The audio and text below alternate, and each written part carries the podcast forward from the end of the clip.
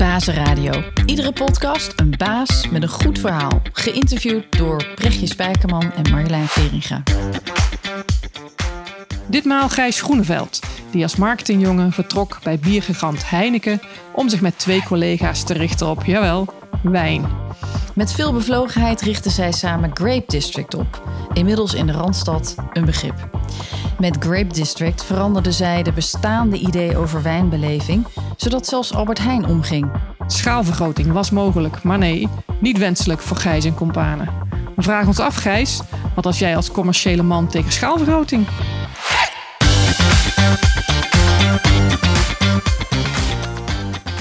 Nee, ik ben eh, nu eh 43 eh, en ik ben eigenaar van Grape District en Taste.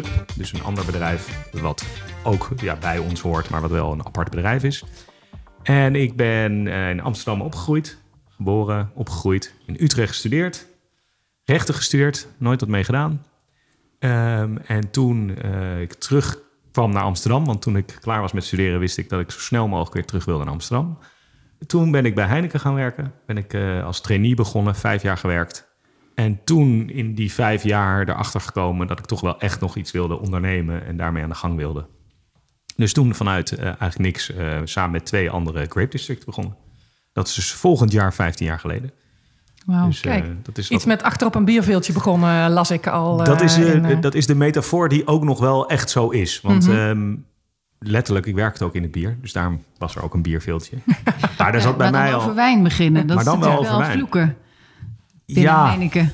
Ja en nee. Ik, eh, ik werkte, eh, en Freek ook, dus eh, een van mijn partners, die werkte, wij werkten allebei bij Heineken, maar dan hebben we veel ook op het brandmerk gedaan. Dus de, en brandbier staat natuurlijk veel meer voor smaak en het verhaal erachter. En daar is dus veel, wil Heineken slash brand wil ook graag dat dat gastronomisch is, wilden wij in elk geval toen heel graag. Dus dan kom je ook al veel meer met wijn, krijg je veel meer met wijn te maken. Maar het kwam veel meer uit een soort persoonlijke beleving rondom wijn. Dat je merkt dat je zelf steeds meer wijn gaat drinken, steeds meer zelf gaat koken, steeds meer het eten gaat. En dat het leuker is als je dan ook iets van wijn weet. En ik kwam erachter dat ik dat eigenlijk helemaal niet wist. En dat ging ik eens uitzoeken. En ik ging eens naar een wijnwinkel toe. En ik vond de wereld rondom wijn eigenlijk verschrikkelijk. Maar het product fantastisch. En dat zijn we eens gaan bespreken met Freek en Joost. En daar kwam dus uit een bierveeltje van... hé, hey, daar moeten we wat mee, maar hoe kunnen we dat doen? Hoe gaan we daarmee verder? Eh, en dat was eerst een paar keer gewoon het daarover hebben... in een bar, eh, tijdens een etentje, et cetera. Maar dat werd steeds serieuzer.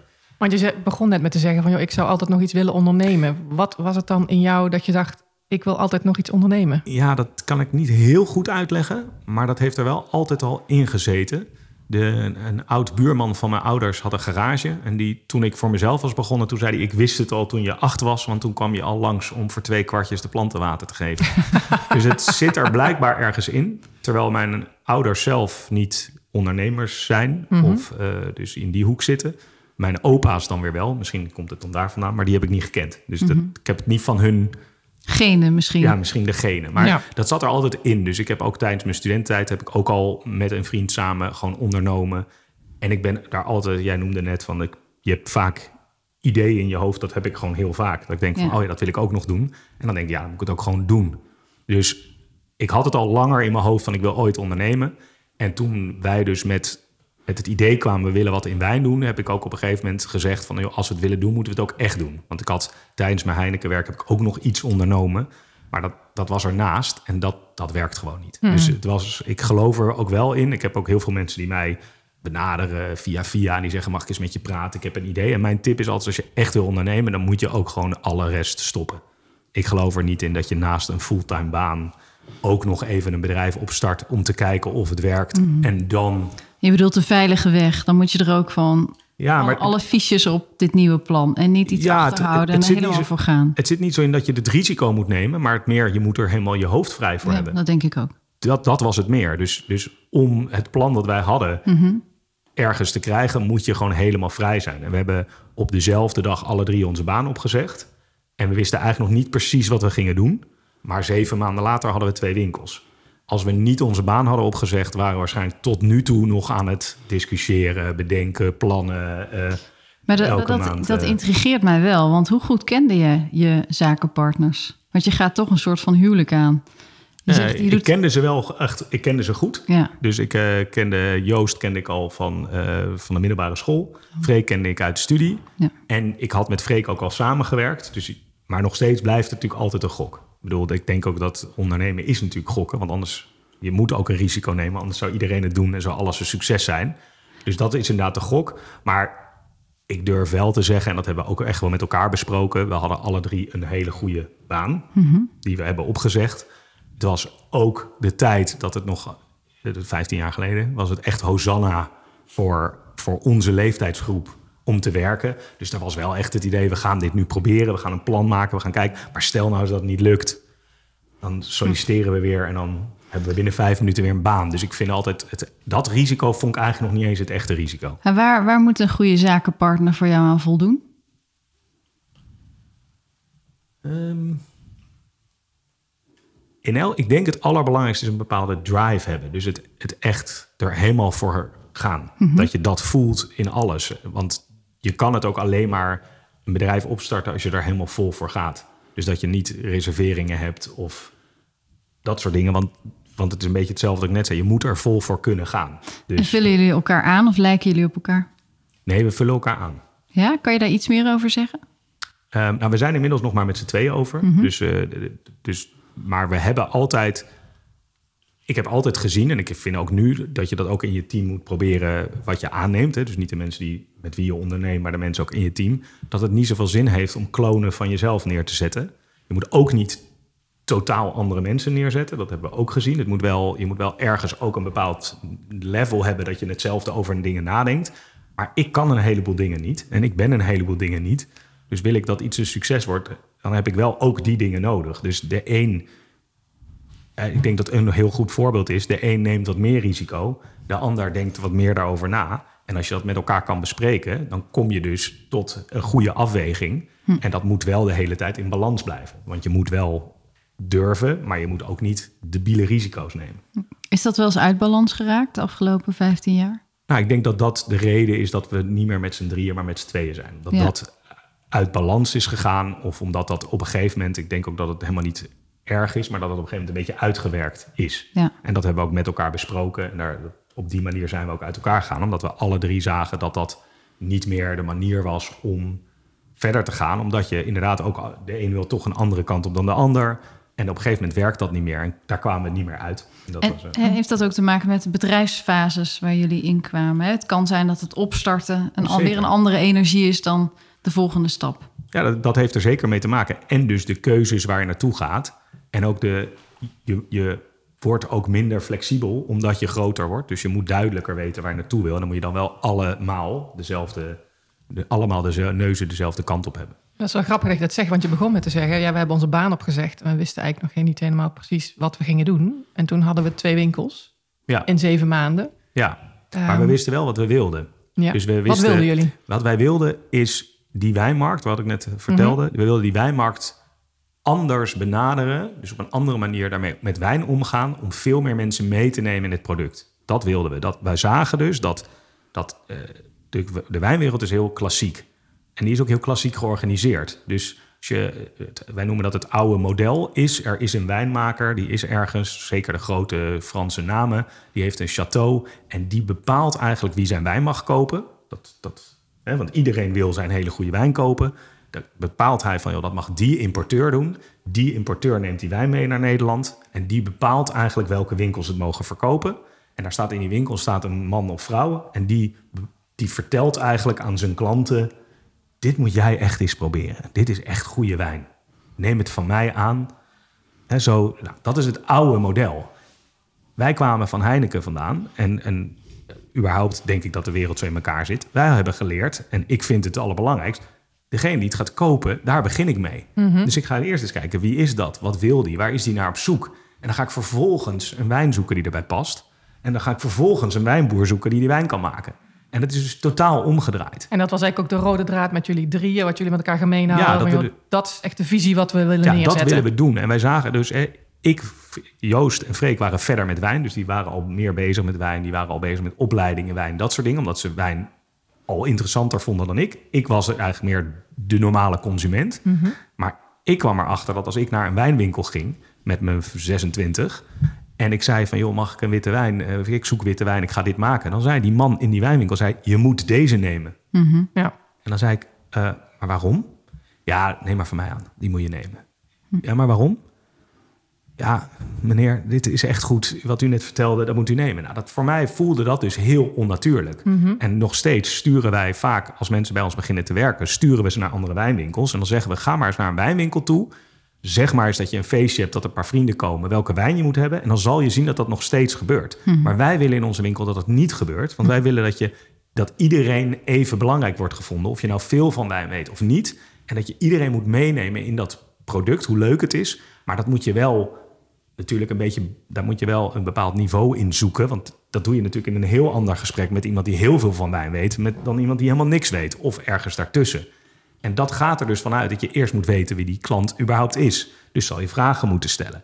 En dat wat, wat wij wilden doen. Wij wilden veel meer mensen meenemen in het product wijn. Alleen wat ik bedoelde, wat we niet wisten, is: gaan we dat doen met een winkel? Gaan we dat doen met een website? Gaan we dat doen met een blog? Gaan we dat doen met een wijnmerk? Dat waren allemaal ideeën die we hadden. We zijn voordat we dus onze baan opzeiden naar Engeland gegaan, waar ze gewoon voorlopen qua wijn op Nederland, nog steeds.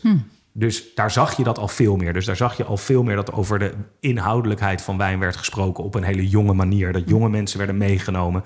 Nou, het voorbeeld denk ik wat iedereen kent, waar wij ons ook vaak aan ge- gekeken hebben hoe dat ging, was Jamie Oliver. Was toen natuurlijk de kok die eigenlijk hetzelfde deed. Dus die zei van je hoeft niet zulke dikke boeken over eten te, te, uit je kop te leren. Je moet gewoon hele goede producten kopen. En die moet je op een slimme manier in een pan gooien. En dan kan je daar een prima gerecht van maken. En Het, dat hele benaderbare, zeg maar, dat is wat jullie daar belangrijk in vinden. dat vinden we belangrijk, omdat je anders afstand creëert. Mhm. En wijn heeft natuurlijk uit de traditie van wijn, dus uit de geschiedenis, uit, uit, ja, ja, uit wat er met wijn allemaal is gebeurd en eigenlijk uit het verhaal wat ik net vertelde, heeft heel erg dat gevoel nog steeds dat het een soort elitair is en dat het heel moeilijk is. En het is ook hartstikke moeilijk. Hè? Wijn is een onwijs moeilijk Mhm. product. We, we gaan vanmiddag, we worden hier weer een paar honderd flessen wijn bij wijze van spreken geprobeerd. En wij weten voordat we ze opentrekken, weten wij nog steeds niet hoe ze smaken. We weten wel uit welke regio ze komen, we weten welke druiven erin zitten. Maar hoe die echt smaakt, weten we niet totdat we hem opentrekken en proeven. Het is natuurlijk geen enkel ander product is Nee, zo. Mhm. divers. En het wordt gewoon van druiven gemaakt. Dus dat is geniaal. En wat me dan wel intrigeert is, wat is dan in jullie drieën geweest of in jou geweest? Dat kan je voor jezelf praten, misschien makkelijker. Waarom dat elitaire dan zo erg is? Waarom je daar je tegen wil afzeggen of je wil Ja. het wil veranderen? Nou, ik, ik zet me niet zozeer af tegen iets wat elitair is. Ik zet me daar. Ik, ik weet alleen zeker dat je daardoor heel veel mensen niet bereikt. Je zet, Dus dat iets- heel je zet veel- er iets naast. Ja, je dus heel veel men, Dus als jij dat fijn vindt en je wil. Hè, het is een beetje hetzelfde met uit eten gaan. Je mag van mij mag iedereen naar een sterrentent en iedereen mag naar een snackbar. Maar ik wil wel kunnen kiezen. En in de wijn vonden wij dat er weinig te kiezen was. Want het was of een wijnspeciaalzaak, die dus, nou, laten we het woord elitair nog een keer gebruiken, maar waar in elk geval het heel erg ging over kennerschap en moeilijk doen en hoor je erbij of niet. Of er was de supermarkt, waar niemand bij het schap staat en je maar een soort lukraak een fles pakt en hoopt op hoop van zegen dat je hem opentrekt die lekker is, maar je kan niks vragen. En daartussen was echt helemaal niks. Maar En hebben, dat- jullie, hebben jullie daarmee een nieuwe doelgroep aangesproken die norma- normaal gesproken... ehm, Ja, was het het gat in de markt? ja, was het een- gat in de markt? Disruptive. Ja, nou, ik, ik denk, nou, laat ik het zo zeggen. Ik, eh, gisteren was er nog een nieuwe werknemer eh, die, waar ik dan een soort introductiegesprek mee doe. En daar heb ik verteld over het merk en waar het vandaan komt. En toen wij begonnen, hebben we heel duidelijk ook gekozen om de negen kleuren. Dus we hebben onze wijn ingedeeld in negen categorieën, negen kleuren. Om dus te helpen dingen makkelijker te maken. En die vroeg mij, waarom hebben jullie dat achtergelaten? Waarom staat dat nu niet meer in het logo? Waarom is dat nu niet meer het belangrijkste? En de reden is omdat we door iedereen gekopieerd zijn. Dus dat was onze USP. Dat, eh, daarmee, dat hebben wij niet bedacht. Want dat was eigenlijk een indeling die al in wijnboeken stond. Maar dan werd er daarna heel vaak overheen gewalst van... maar je kan niet alles zo indelen, dus... En dan begonnen alle uitzonderingen. Wij hebben dat gewoon gepakt en gezegd... wij gaan onze winkel en onze website en ons hele denken indelen in smaken... in de plaats van in landen. Want dat is natuurlijk de indeling die iedereen kent in wijn. En daarmee zijn wij bekend geworden. Maar dat is dus heel snel door iedereen gekopieerd. De Albert Heijn deelt nu zijn wijn in op dezelfde smaakcategorieën. De Jumbo, de Gal en Gal, eh, honderden websites. Dus dat is nu niet meer... Maar dat is wel heel Origineel. eervol. Zijn jullie nog steeds koploper? Wij vinden van wel. En waarin dan? Want ik, ik wilde, mijn volgende vraag is: wat is nou de keerzijde van jullie concept? Zitten er ook schaduwkanten in? Of aan? Ehm, ja, nou, de, de, de, wat wij dus proberen te doen, is het behapbaar te houden. En daardoor kunnen wij niet alles doen met wijn wat we zouden. Kijk, wij zijn zelf inmiddels totale wijnnerds geworden. En dat geldt ook voor heel veel mensen die bij ons werken. En wij vinden het ook mooi om 15 Sancerres naast elkaar te proeven en het kleine beetje verschil daarin te ontdekken. Maar dat, dat past niet in, dat, in ons concept om dat te verkopen. Dus, wij, dus dat stukje zouden we dan missen. Maar ik, ik denk niet dat het een groot gemis is, want er zijn genoeg plekken waar dat nog steeds kan. Ja. Dus dat, dat hebben wij niet. Ehm, maar verder, eh, nee. Oké, niet, eh, totaal andere vraag. Want ik bedacht me van: oké, jullie zijn 15 jaar bezig. Hoe zien jullie groei of de toekomst? Of wat is jullie ambitie hier? En dan moeten we eerst aan de mensen die luisteren ook vertellen van waar sta je nu? Hoeveel mensen, hoeveel winkels? En wat is jullie idee daarbij? Hoe jullie nou, willen groeien? Waar wij nu staan is, we hebben 12 winkels, waarvan er 10 van onszelf zijn en één franchise-nemer twee winkels heeft. We hebben een online winkel die eh, groot is, dat is onze allergrootste winkel. We importeren alle wijn zelf, dus dat hebben we ook in die 15 jaar opgebouwd. Dus we halen alles rechtstreeks bij de wijnboeren en we brengen het naar Nederland en verkopen het dan. En we leveren eh, aan horeca, dus we hebben heel veel horecazaken waar wij eigenlijk dezelfde rol spelen in hun zaak. Dus dat zijn vaak ook eh, restaurants, barren, cafés, waar wij eigenlijk voor hun de hele wijnbeleving regelen. Dus we maken de wijnkaart, we leveren het hele assortiment, we getrainen het personeel, dus daar spelen we ook die rol. Dus dat doen we met ongeveer 60 man in dienst. Ehm, en om antwoord te geven op je vraag, waar willen we naartoe groeien? Wij hebben niet meer, dat hadden we misschien in het begin wel, de ambitie om te groeien om te groeien. Wij willen groeien wanneer we het nog leuk vinden en wanneer we het zelf behapbaar kunnen houden. We, we, we zijn nu op een hele. We willen echt wel groeien, maar het hoeft niet meer met. We hoeven niet 25 winkels over drie jaar. Waar komt dat vandaan? Want dat hadden jullie wel. Dat Dus- hadden we, de- hadden we wel. Waar dat vandaan komt. Berusting. het is al mooi zo. Je wilde nog aan je glaasje wijn toekomen, zo aan het eind van. Nee, Nee, het komt is- dat ook dat dat, dat dat jonge hondengevoel er dan uitgaat en je denkt van ik waardeer eigenlijk wat we hebben en ik wil liever, ik ga liever voor kwaliteit. Is het een andere energie die erin komt? Dat laatste wel, dus wel het gaan voor kwaliteit. Maar ik weet niet of het jonge honden eraf is. Maar het is. Het is, ja, hoe, hoe kan ik dat uitleggen? Ehm, ja, het hoeft niet per se. Ook omdat we hebben gezien dat dat. We zijn dus harder gegroeid op een gegeven moment. En dan zie je dus ook dat het niet meer helemaal gaat zoals je het zelf wil. En dat, dus, dat, er, dat de dingen niet zo lopen als je het wil. En dat je het niet meer onder controle hebt. Kan je daar een voorbeeld van geven? Ehm, nou, we zijn, we zijn bijvoorbeeld, om een voorbeeld te noemen, we zijn met franchise eh, zijn we gegroeid. En daar zijn hele grote voordelen aan. Maar een nadeel ervan is dat het ook, als dat dus niet zo goed gaat, moet je daar heel veel aandacht aan spenderen. En dat is logisch, want die mensen hebben ook geïnvesteerd en die hebben vertrouwen gegeven aan jouw merk. Waar wij achteraf van hebben gezegd, dan hadden we dat beter rustiger zelf kunnen doen. Want dan hebben we dat beter onder controle. Maar dat weet je natuurlijk niet voordat je het gaat doen. Dus, dus dat is een voorbeeld waar we zagen van we zijn eigenlijk met verkeerde dingen bezig. Want we zijn bezig met het managen van franchise winkels.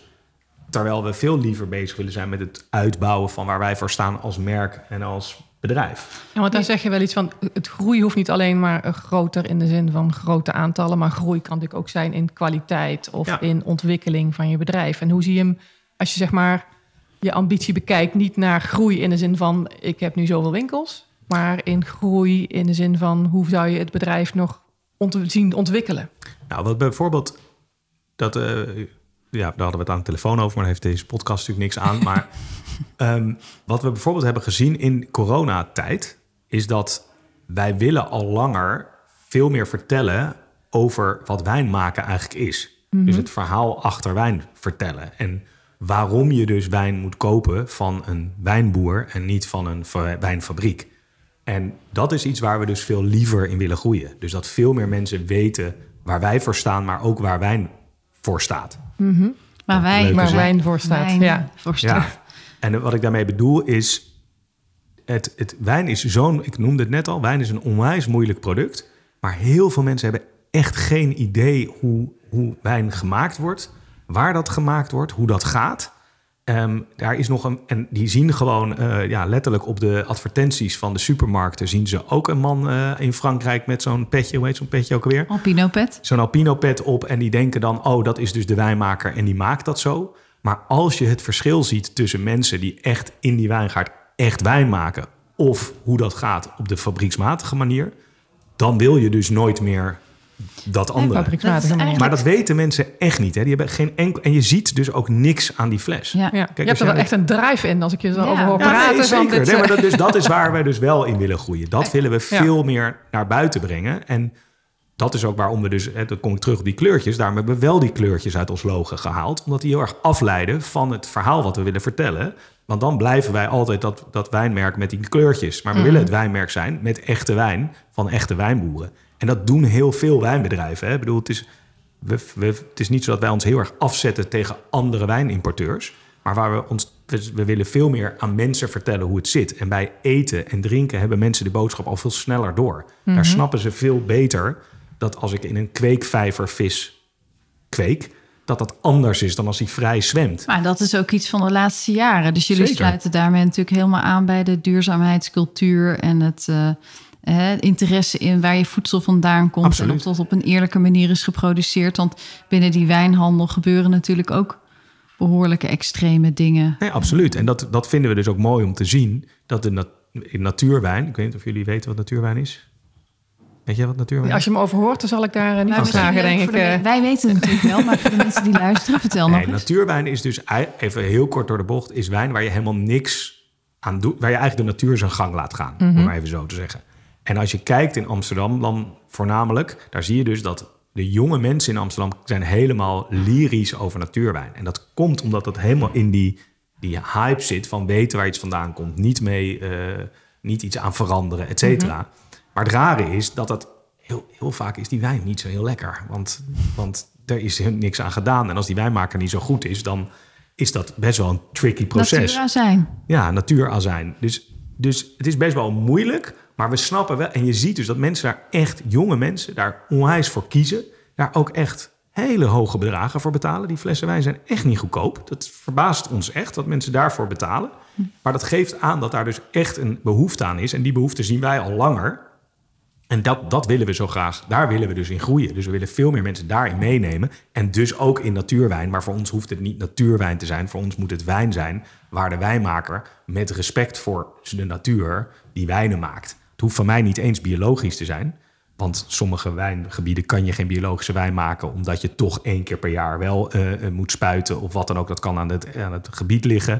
Maar het gaat er gewoon om dat die persoon, en daarom zeggen wij vaak van als je wijn koopt van een familiebedrijf of een kleine wijnboer, dan weet je eigenlijk zeker dat hij wel duurzaam werkt, want hij woont zelf op die grond.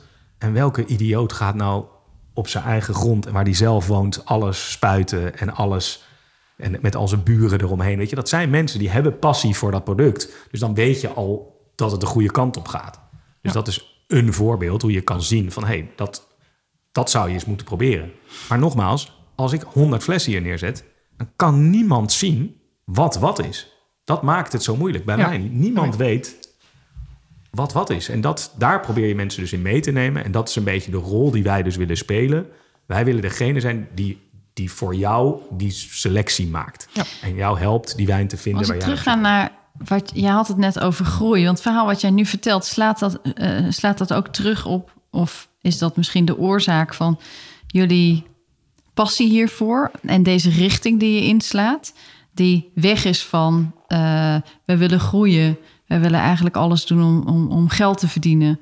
Hè, die keuze had je ook kunnen maken. Ja, Ehm, is dat een soort splitsing geweest? Want ik kan me voorstellen dat op een gegeven moment Grape District op een punt was dat iemand het wel had willen overnemen. zeker. Ja, ik denk dat dat, dat dat er wel mee te maken heeft. En dat je dan, dan kom je misschien een beetje terug met het jonge honden en het zelf ook veranderen. Dat je zelf ziet dat dit soort dingen meer belangrijk worden. Dat heeft natuurlijk misschien met leeftijd te maken, maar heeft natuurlijk ook met de tijdsgeest te maken. Ik bedoel, we zijn niet het enige bedrijf en de enige mensen die meer bezig zijn om te bedenken waar zijn we met z'n allen mee bezig. En dus, dus ik noemde net al, die coronacrisis heeft ons meer. Het was voor ons, daardoor was het makkelijker om deze boodschap te verkondigen, omdat we moesten kiezen. En omdat we dus zagen of zien, want het is helemaal nog niet voorbij, dat die kleine wijnboeren veel meer last hebben van alles wat er nu gebeurt dan die grote wijnfabrieken. En, en dat je dat dus raakt, dat je denkt, hé, hey, daar moet ik dus meer voor gaan staan. Want... Maar wanneer kwam dat besef bij jou? Want als ik uh, jou beluister vanuit Heineken. Uh, nou, besef dat is natuurlijk al best wel lang. Als je naar wijnboeren toe gaat, mhm. krijg je dat. Dan wordt dat er, dan komt dat er vanzelf in. Want je ziet dat die mensen echt met dat product bezig zijn. En dat je, ik wil mijn oude werkgever niet afvallen, want ik vind het een fantastisch merk. En ik heb er fantastisch geleefd en gewerkt en alles. Maar je kan gewoon zoveel Heineken maken als je wil. Kan je mhm. gewoon tot in het oneindige kan je Heineken blijven maken. Blijkt ook wel. Ja, nee, dat, en dus kan je ook tot in het oneindige groeien. Ja. Maar de wijnboeren waarmee werken, die kunnen, wij kunnen, wij zouden niet eens met het assortiment wat wij hebben, zouden we niet kunnen verdubbelen, want dan konden we die wijn niet meer verkopen, want dan was er niet genoeg wijn. dan dus moet je andere wijnen kiezen. Dan moeten we andere wijn, en dat kan natuurlijk. En dan kunnen, moeten we misschien vaker wisselen. En dat is, dat is, ik zeg niet dat dat de mhm. reden is waarom we niet willen, zouden willen groeien. Maar het is wel grappig om gewoon te bedenken. Wij zouden niet met dubbel aantal winkels deze wijnen kunnen verkopen, want dan was er te weinig wijn. Nou, vind ik iets moois. Het is nog wel mooi wat je zegt van. Um, je bent natuurlijk ook gewoon een bedrijf begonnen. Je hebt enorme passie voor dit onderwerp en hoe, dit, uh, hoe je dit in de wereld brengt. Um, Vind ik ook leuk namelijk. Is ook, ja, nou, daar ben ik ook benieuwd naar. Uh, hoe, hoe, heb je, hoe heb je dat ervaren? Van, um, we zitten met z'n drieën met een bierveeltje. We beginnen twee winkels. Uh, tot en met we beginnen een franchise. Nou ja, dat, dat is misschien de laatste. Ook heeft het, grijpt het een beetje terug op wat we net zeiden. Dat het ook met die groei te maken heeft. Omdat we ook een team om ons heen hebben. Waar je ook een soort verantwoordelijkheid voor mhm. voelt. Die voel ik tenminste heel sterk. En ik weet dat Freek die ook voelt. Dus dat je ook zoiets hebt van ja, stel nou eens dat er morgen iemand zou komen die het zou kopen. Willen kopen. Wat gaat hij dan doen met dit bedrijf? Waarschijnlijk met het bedrijf zelf niet zo heel veel. Maar dan gaat hij waarschijnlijk de winkels kopiëren en er nog 30 van neerzetten. En ze misschien integreren in iets of wat dan ook. Maar het bedrijf zelf houdt waarschijnlijk op te bestaan. Omdat. Mhm. En dat zit me dan ook wel dwars. En dat hoeft van mij ook niet. En ik, ik, ik kan prima daarvan leven. Dus waarom zou ik dat doen? Want dus wat is voor jou belangrijk, zeg maar, in, dit, in het, bedrijf, het bedrijfsmatige daarvan? Plezier. Plezier. Dat ik hier elke dag naartoe fiets. Met dat ik gewoon zin heb om hier naartoe te gaan. Ja. En dat hebben we nog, heb ik in elk geval nog steeds. En ik heb het gevoel dat iedereen die hier werkt dat ook heeft. En als ze het niet meer hebben, dan, dan stoppen ze, denk ik. Oh, maar dit vind ik wel echt een super, een super interessant onderwerp. Want ik denk voor Marjolein en mij, uh, wij komen regelmatig in werksituaties als externe. Uh, waarbij mensen niet meer zoveel plezier hebben. Hoe cultiveer je plezier op de werkvloer? Nou hebben jullie een heel leuk, plezierig product. Ik denk dat dat echt helpt. En ik denk, ik, moet, ik ben natuurlijk ook niet gek. Ik denk niet dat iedereen altijd hier het allemaal fantastisch vindt. En dat zal het ook echt niet zijn. Misschien glimlachen ze dan als jij langs loopt. Precies. Maar um, dat zou kunnen. Maar we zijn natuurlijk een heel klein bedrijf. Dus je ziet heel veel. In de winkels zien we dat al minder. Hè? Dus dat is al moeilijker om daar die vinger aan de pols te houden. Want ik ben niet elke dag in iedere winkel. Dus dat proberen we wel te doen. Dat is nu moeilijker om we proberen veel dingen te organiseren, samen te komen in de zomer, een barbecue, met z'n allen naar evenementen gaan, uh, kerstdiner in januari. Uh, we doen van alles. We, hebben, we nemen mensen mee ook in wat er gebeurt met het bedrijf, de cijfers, dus dat ze ook weten waar we voor staan. Dus dat proberen we allemaal te doen. En omdat je klein bent, kan dat nog. Dus misschien heeft dat er ook wel mee te maken. Dat we natuurlijk heel groot zouden worden, ga ik je dat ook een beetje kwijt. Hm. Maar ik had het eigenlijk ook vooral over mezelf. Ik wil iets doen wat ik gewoon waar ik lol uithaal, waar ik plezier van krijg. Zou dat besmettelijk werken, denk je? Ik denk dat het, dat enthousiasme ook wel ergens een beetje besmettelijk werkt. Ja, ik denk dat iedereen hier ook wel ziet dat wij hier met heel veel energie nog alles komen doen en, en daar gewoon ook zin in hebben om het te doen. Want hoe zou je jouw leiderschapsstijl, als je dat, want het is altijd zo'n groot woord, zeg maar. Ik was bang voor deze vraag. Ja, maar de, toch van, want als je zegt, nou ja, maar het zit in mijn visie, het zit in transparantie, ook je zeggen, het, het zit in mensen betrekken. Als ze jou hier nou zouden omschrijven over, over hoe je dat doet, wat zouden ze dan zeggen? Ik denk dus wel dat dat zou zijn dat mensen meegaan in enthousiasme en energie. Mhm. Dat is ook, voor mij is het glas half vol en nooit half leeg. Dus ik probeer ook als het niet goed gaat, te kijken van, maar wat gaat er wel goed? En laten we daar verder op gaan. Je zou het, je zou het ook negatief kunnen uitleggen, een beetje confrontatie mijdend misschien wel dus dan ga ik liever de confrontatie uit de weg en ga ik positieve kant op kijken. Nou, mhm. afgelopen jaren heb ik wel geleerd dat dat niet altijd handig is. Dus dat moet je mhm. ook bij jezelf ontwikkelen. Maar dat is wel de stijl. Dus het idee is, we gaan met z'n allen er wat positiefs van maken. En we gaan kijken waar wel de kansen liggen. Dus uh, we hebben uh, ook een keer al een winkel moeten sluiten. Nou, dat is natuurlijk heel vervelend. Dat kost geld. Dat is niet leuk. Dan moet je met mensen stoppen. Uh, Dat is heel vervelend op allerlei fronten. Maar daar kan je wel heel lang bij blijven stilstaan. Maar daar heb je alleen helemaal niks aan. Je moet gewoon op een gegeven moment besluiten, we doen die deur dicht. En dan gaan we kijken waar we dan wel gaan groeien. En dat is dan dus bijvoorbeeld, we gaan wel meer online groeien. We gaan wel meer ons focussen op een tweede bedrijf... wat dus een abonnement op wijn doet. We gaan wel... En dan, dan ben ik al best wel snel vergeten dat we die winkel dicht hebben gedaan.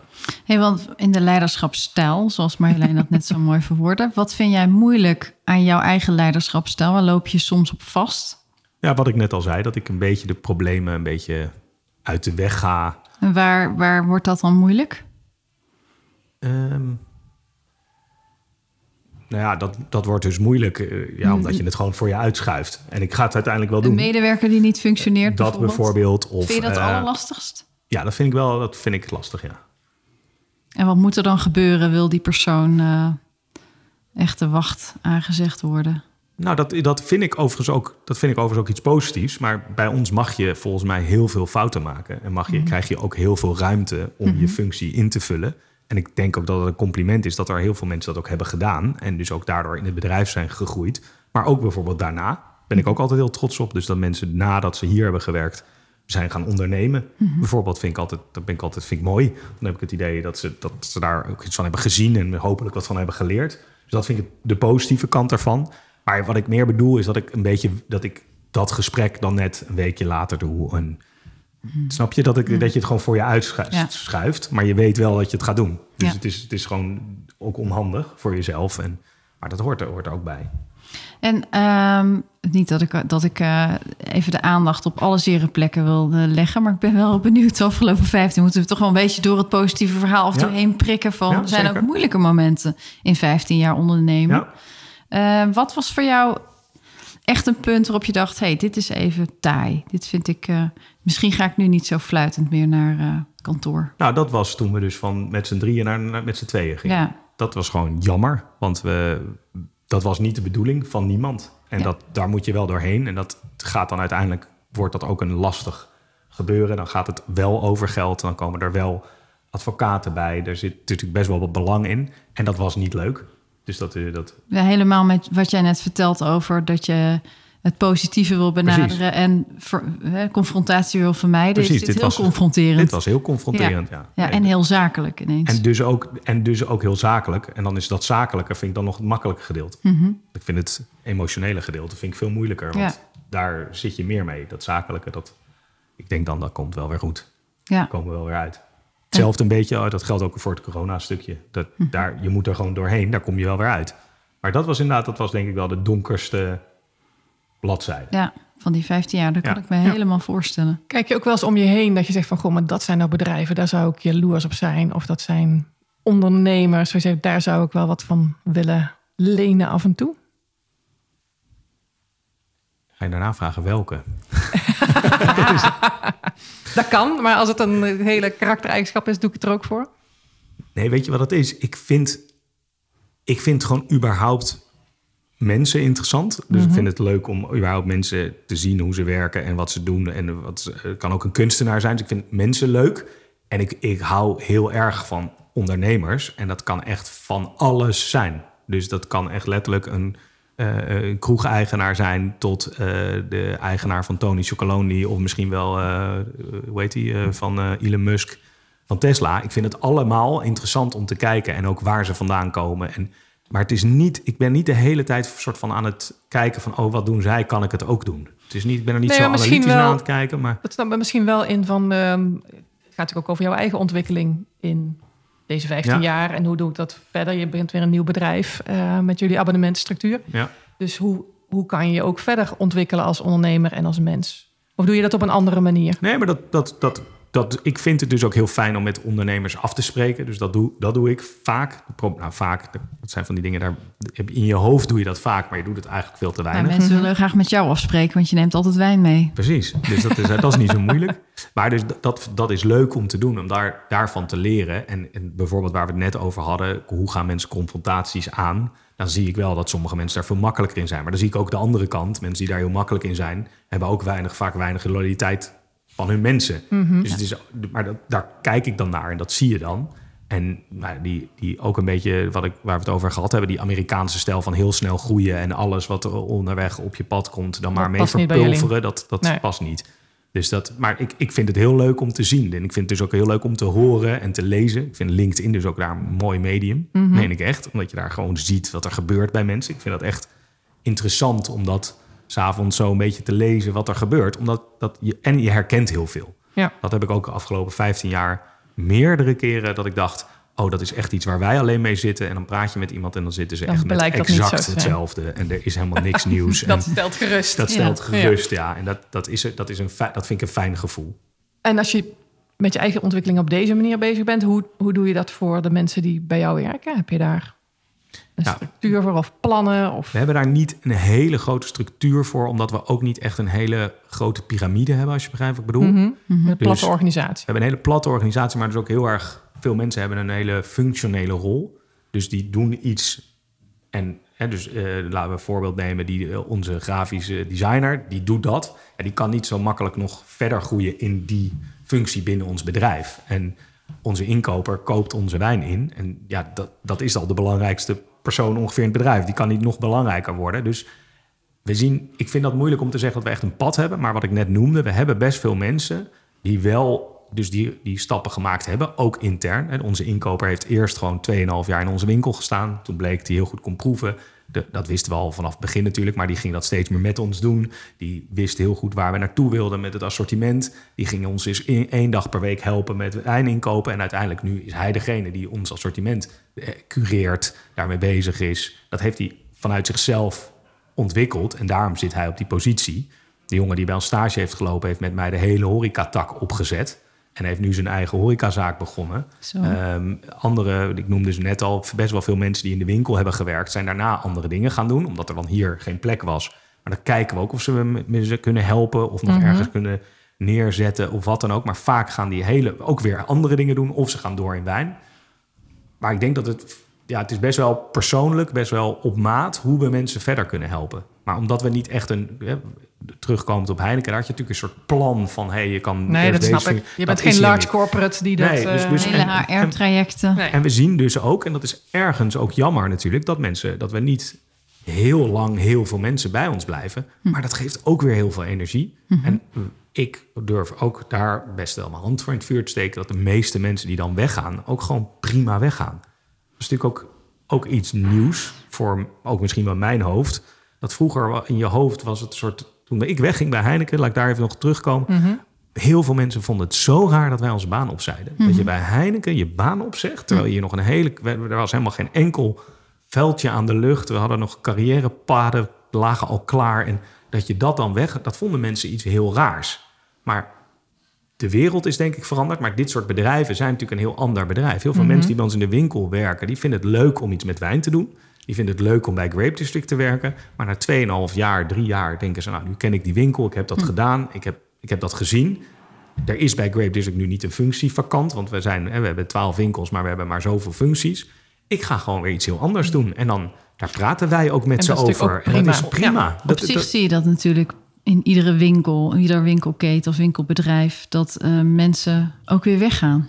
Precies, maar wat ik, wat ik dus grappig vind om te zien bij ons, is dat ik al, ik zeg ook altijd, de mensen die bij ons in de winkel werken, werken niet in de winkel.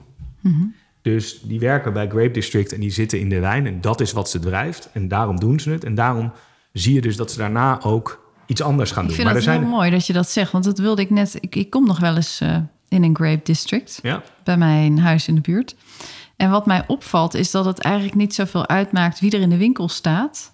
Ze stralen allemaal hetzelfde uit. Dus ik ben eigenlijk heel benieuwd. om- plezier. Ja, nou, nee, maar ze- het is ook een bepaalde Grape District stijl van adviseren. Ehm, klopt dat ook? Zie ik dat ook terecht? Of is het gewoon de setting van de winkel? Nee, nee, Ehm, eh, want aan de ene kant, als je weet dat iemand twee, drie jaar bij je is, hoeveel investeer je in die persoon? Eh, hoe zit dat? Hoe denken jullie daar? Hoe, hoe zorg je ervoor als ik solliciteer dat ik ga uitstralen dat ik Grape Dist- District ben? Nou ja, voortgaan wat ik net zei, is dat dus het zijn geen winkelmensen. We solliciteren heel veel mensen die dus al in, in drie winkels hebben gewerkt. En dan zeggen, nou nu wil ik wel bij jullie in de winkel werken. Dan is niet dat wij zeggen, oh dat mag niet. Maar vaak is dus hun passie is niet wijn. en is niet ons merk, maar dat is, gewoon, dat is gewoon mijn baan. En ik wil nu wel een keer van plek verwisselen. Maar wij zijn echt op zoek naar mensen die wel dat echt met wijn willen doen en, en ook met ons willen doen. Dus daar zoeken wij niet zo naar. Wij zoeken veel meer naar jonge mensen die uit vaak een eerste baan of uit horeca komen en die wijn heel interessant vinden en eigenlijk nog niet eens hebben nagedacht over een winkel. En dan gaan we met ze zitten in de sollicitatiegesprekken. En we doen ook, Freek en ik doen in elk geval nog een, ook één ronde mee met iedereen die in elk geval manager wordt van een winkel. Maar ook parttimers zien wij ook nog heel vaak. Maar dan, willen we ook, dan leggen we ook nog altijd even uit van... joh, weet je wel wat het is in een winkel werken? En dan zeggen ze, nee, nee maar dat kan ik me wel voorstellen. Want uh, zeggen, oké, dinsdag, het regent de hele dag. Daar komen drie mensen binnen. Die muren komen van alle kanten op je af. Heb je daarover nagedacht? Nee. Nou, ga jij daar nog eens eerst over nadenken, want dat is verschrikkelijk. En dan zeggen ze, hoe weet jij dat? Zeggen we, nou, we hebben zelf... Ik heb twee jaar, de eerste twee jaar, elke dag in de winkel gestaan. En ik vond het, dat vond ik echt verschrikkelijk. Ja omdat mee, om, als er niks gebeurt in een winkel, is het gewoon, je kan namelijk geen kant op. En ik wil heel graag een kant op. Dus je wil dan met de ondernemer ernaast even gaan praten of je wil iets gaan organiseren. Maar je kan niet weg, want je moet voor elke klant er wel zijn. Ja. Maar jij zoekt dus bij iedereen dezelfde soort passie als jullie ook hebben. Ja. Als dat bij Brechtje hoor zeggen van, ja, maar wat is dat dan wat hetzelfde is? Ja, en dan, nou, en dan was de vraag over investeren. Ja, en vervolgens gaan we daar dus ook in investeren. Dus mhm. als je bij ons in de winkel wil werken, ik kan niet zomaar iemand in onze winkel laten werken die de wijnen niet kent. Dus ik moet hem ten eerste de wijnen leren kennen. Dus ze moeten een intern ja, traject door met allemaal in al onze winkels staan winkelmanagers die dus een soort stukje van de opleiding dan doen. Dus dan mhm. gaan ze al naar verschillende winkels en dan leren ze daar over wijn. Maar sommige winkelmanagers hebben ook nog een stukje waar ze leren over hoe wij graag service willen bieden, wat we mensen willen meegeven, hoe je vragen moet stellen want dat vinden wij het eigenlijk bij ons is de allerbelangrijkste les: stel vragen. Adviseer niet, maar stel vragen. En dat is, een, dat, is echt iets heel anders dan. Ja. Dat is helemaal een punt natuurlijk wat jij uh, aan het begin van deze podcast uh, maakte, is dat, het, uh, dat jullie disruptief zijn in zoverre dat we gewend waren als consument aan de klassieke wijnhandels, wijnwinkels waar het hoog over, uh, nou ja, ik krijg een flesje mee, geen idee, maar uh, ik moest hem meenemen, want dit zou bij mij passen. Uh, naar ik als klant centraal, wat, wat ik wil, wat mijn smaak is, wat mijn behoefte is, daar moet je mensen heel goed op trainen. Want dat is echt, ehm, het heeft misschien wel meer te maken met goede gespreksvoering en een, een sfeer creëren, dan dat je extreem veel weet van de wijn. Absoluut. Maar dat, dat dus als je vraagt aan mij van wat de belangrijkste kenmerken ook zijn van als we iemand willen aannemen. Heel vaak weet je al als iemand, ja, jullie zijn net ook door dit kantoor gelopen. Als iemand van die deur naar deze kamer loopt, weet je bijna al. Nou, laat ik, nou, ik moet het even negatief uitleggen. Dan kan je soms al mensen zeggen, die past hier niet. Want als jij niemand, dus daar kom je altijd wel mensen tegen. En daar moet je mee interacteren. Mhm. En als iemand dat niet doet, dan denk ik al, dit wordt niks. Want in de winkel zal je met iedereen moeten interacteren. Dus het gaat veel meer om het intermenselijke dan om de en het wijninhoudelijke. Als je wijn, dan moet je wel wijn leuk vinden, want het is zo moeilijk, anders krijg je het je niet geleerd. Mhm. Maar als je dus mij kan aantonen dat je echt wil leren, nou, daar heb ik ook wel een paar vragen voor waar ik daarachter kom. Als ik erachter kom dat, ik, dat je dat wil leren en je praat makkelijk en je bent echt oprecht geïnteresseerd in die andere persoon, dan, mag je, dan pas je bij ons en dan kan je in onze winkel werken. Marjolein, je kan misschien solliciteren. Ja, ik zit nu eh, te overwegen. Maar ja. nee, maar dat is, dat, dat is wat er... En dat proberen we er ook dan nog vervolgens mee te helpen. Want ik denk dat iemand best iets in zich kan hebben... maar dan probeer je ook nog uit te leggen hoe dat werkt. Want we hebben ook heel veel enthousiaste mensen... ook als je ze iets vraagt, ik ben er zelf ook een van, ook wel een hele lange tijd uit zichzelf kunnen praten. Dus je moet ook wel leren dat je gaat vragen. Ja. Maar vragen is voor mij de key om te kunnen adviseren in wijn, is vragen stellen. Ja. Dus je kan alles van wijn weten, maar heel slecht kunnen adviseren. En je kan, als je niets van wijn weet, maar heel goed kan vragen, kan je eh, beter. precies, verder dan wit of rood. Ja, precies. Nou, dan wel iets verder. Of. Nou, dan heb ik nog wel een vraag voor je net geleerd dat dat heel belangrijk is. um, heb je nog echt een grote wens waar je zegt van ja, maar dit staat echt nog op mijn lijstje. We hebben het nog niet gedaan, maar dat zou er wel heel tof zijn als we dat nog voor elkaar krijgen. Je gaat er een, wel beetje... een beetje stralen. Dus. Nee, nee, nee. Ja, nee. Ik, Weet je, wat wil je worden, laten worden als je groot bent, idee? Ik, ik, ik moet om lachen, omdat ik echt eigenlijk nu niet. Je hebt alles wat je wil. Heel tevreden mens. Ja, nou, ik ben eigenlijk wel tevreden waar we nu, waar we nu staan. En eh, nou ja, ik wil nog even door deze. Ik vind dit half jaar heel spannend. Dus daar, ben ik, daar zijn we wel echt ook heel erg mee bezig. Met iedereen in het team. Want iedereen voelt dat ook. Dat we hebben dus een heel moeilijk half jaar achter de rug. Maar we, we hebben eigenlijk we hebben de kaarten, vind ik zelf, heel goed geschud. Dus we hebben, doordat we een hele duidelijke visie hebben gekozen, doordat iedereen weet wat, die, wat we verwachten, dus ook wat ze van mij mogen verwachten, staan we klaar voor de tweede helft van het jaar. Maar deze tweede helft van het jaar moet nu wel goed worden om het andere half jaar goed te maken. Dus, Ja. dus dit wordt een heel spannend half jaar. En ik, ik hoor ook in mezelf als ik het zeg. Ik wil dus ook niet over allemaal andere dingen en allemaal pro- andere projecten denken. Want dat is een valkuil waar wij wel eens ingelopen zijn. Wij zijn heel veel leuke kleine projectjes begonnen. En dan weer dit gaan doen en dat gaan doen. Uit, allemaal uit enthousiasme. Maar daar is nu even geen plek meer voor. Dus we zullen nu gewoon Deze focus is even ja, nodig. die focus is nodig. En dat hebben we ook met iedereen letterlijk afgesproken. Dus Mhm. het komende half jaar gaan we geen rare investeringen doen. We gaan niet meer mensen aannemen. We gaan gewoon met elkaar dit half jaar door. En iedereen heeft daarin gezegd, nou, dat zien wij ook en dat gaan we doen. En dan gaan we in januari kijken hoe het daar dan voor staat. En dan komen er een heleboel nieuwe ideeën. Want dan bestaan we 15 jaar. Dus dan moeten we sowieso Dan komt er een groot feest. ja, er komt sowieso komt er dan wat. Toen we tien jaar bestonden, hebben we al eh, iets tofs gedaan. Dus daar moeten we overheen. Dus dat wordt nog spannend. Nou, ik Maar mooi, ik ben, heel benieuwd. Ik, ehm, ik vind het eigenlijk wel een mooie afronding. Ja, zeker. En met een Hebben we nog iets niet gevraagd Precies. wat je denkt van, nou wat raar dat ze dat niet gevraagd hadden. Dat had ik helemaal mooi voorbereid en wilde ik nog even zeggen. Nee, nee, eigenlijk niet. Ik was bang voor, eh, de, voor de, hoe noemde jij ze nou? De, de kritische vragen. Nee hoor, ik helemaal niet. Nee, ik wist het eigenlijk echt niet. Wat ik, ik, we hadden het, eh, aan de telefoon had ik al gezegd, ik ben benieuwd waar het gesprek naartoe gaat. Ben ik wel interessant genoeg als leider? Ik heb jullie andere podcast geluisterd en toen dacht ik, oh jee, dat zijn allemaal hele diepe... Wij vinden dit ook heel diep oh, oké. Dus daar, dat, nee, ik... We eh, hebben leiders in alle soorten en maten en eh, ook een interessant gesprek. het enige wat we... Jawel, ik weet wel iets wat we vergeten. We Ah. zouden ook nog wijn proeven. Inderdaad. Oh, En ja. ik, ik durfde al. Ik denk van waar Maar blijft we zouden het ook wel aan het einde van de dag doen. Dat klopt. Heb je ergens nog een flesje staan? Kijk, achter jullie, Misschien is Ja. dat leuk voor de... vervelend voor een podcast, achter jullie wordt dus geproefd. Ik zie het. Dus dat lijkt alsof er geborreld wordt, maar De- dat de- is dus ik zie proeven. een neus verdwijnen in een Ja. glas. Ja, nee, je moet je voorstellen dat dus de wijnboeren waar we mee werken, die sturen gewoon continu flessen op. Dus als ze nieuwe producten hebben gemaakt of als ze iets nieuws hebben of nieuwe jaargangen. En wij zijn eigenlijk de hele tijd op zoek naar eh, wijnboeren. En normaal gesproken zie je die op beurzen. Dus je gaat naar de, er zijn zes hele grote wijnbeurzen in de wereld. Die zijn allemaal in Europa. Daar ga je naartoe. Daar maken we vooraf een plan van met wie we willen zitten. Eh, wijnboeren die in de pers hebben gestaan. Wijnboeren die bijvoorbeeld bij in een ander land het heel goed doen, wat we hebben gelezen. Daar maak je dan een afspraak, ga je daar langs. Maar die zijn natuurlijk ook allemaal, allemaal- afgezegd. Ja, dus nu is alles op basis van Zoom-calls met wijnboeren wordt gedaan. Dat, een soort daten over Zoom met wijnboeren. En dan daarna gaan ze opsturen.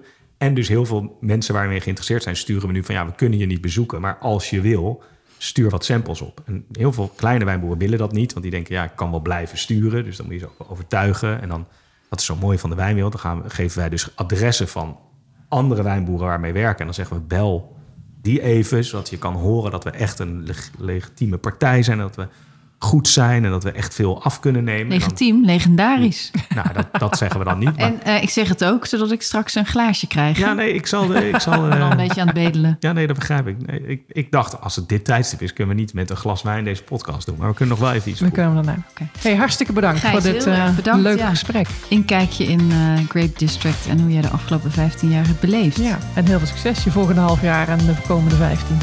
Super, dankjewel. dankjewel.